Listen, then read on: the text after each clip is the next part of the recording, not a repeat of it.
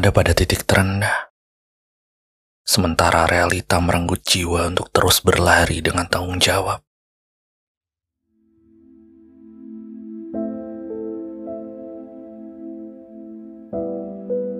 Sedangkan hati sedang tidak berada pada kondisi terbaiknya.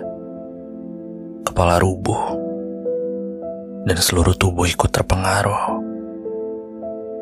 Dunia rasanya sesak Betapa nelangsannya seseorang ketika pikirannya berkecamuk. Kewarasan meronta berteriak ingin dilenyapkan. Berguling-guling seperti anak kecil yang baru saja kehilangan mainan. Satu jam, satu hari, satu minggu, satu bulan, satu tahun, dan satu-satu seterusnya. Delusional tahu kapan bisa kembali lagi normal. Saat luka sedang asik-asiknya mencabik, amarah bercumbu dengan cengah.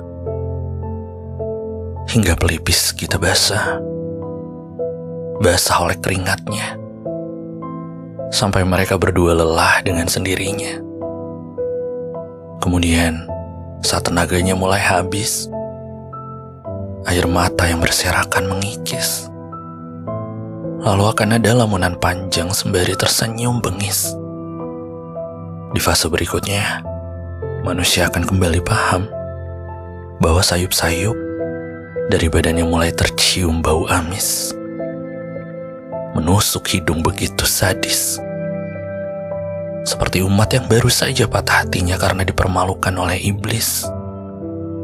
Dengan jiwa yang melompong, juga tatapannya yang kosong relungnya menggonggong. Sekali lagi menjerit minta tolong. Kepada siapa saja yang bersikap baik. Namun untuk urusan bangkit, tidak akan ada siapa-siapa di luar sana. Lantas manusia yang berjudi dengan harapannya pun pudar. Ketika segalanya terasa seperti menghindar, mau tidak mau, manusia harus merangkak lalu mencari tempat untuk bersandar. Mencoba lihat sebentar.